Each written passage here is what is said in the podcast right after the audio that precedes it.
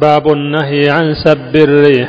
عن أبي بن كعب رضي الله عنه أن رسول الله صلى الله عليه وسلم قال لا تسبوا الريح فإذا رأيتم ما تكرهون فقولوا اللهم إنا نسألك من خير هذه الريح وخير ما أمرت به ونعوذ بك من شر هذه الريح وشر ما أمرت به صححه الترمذي.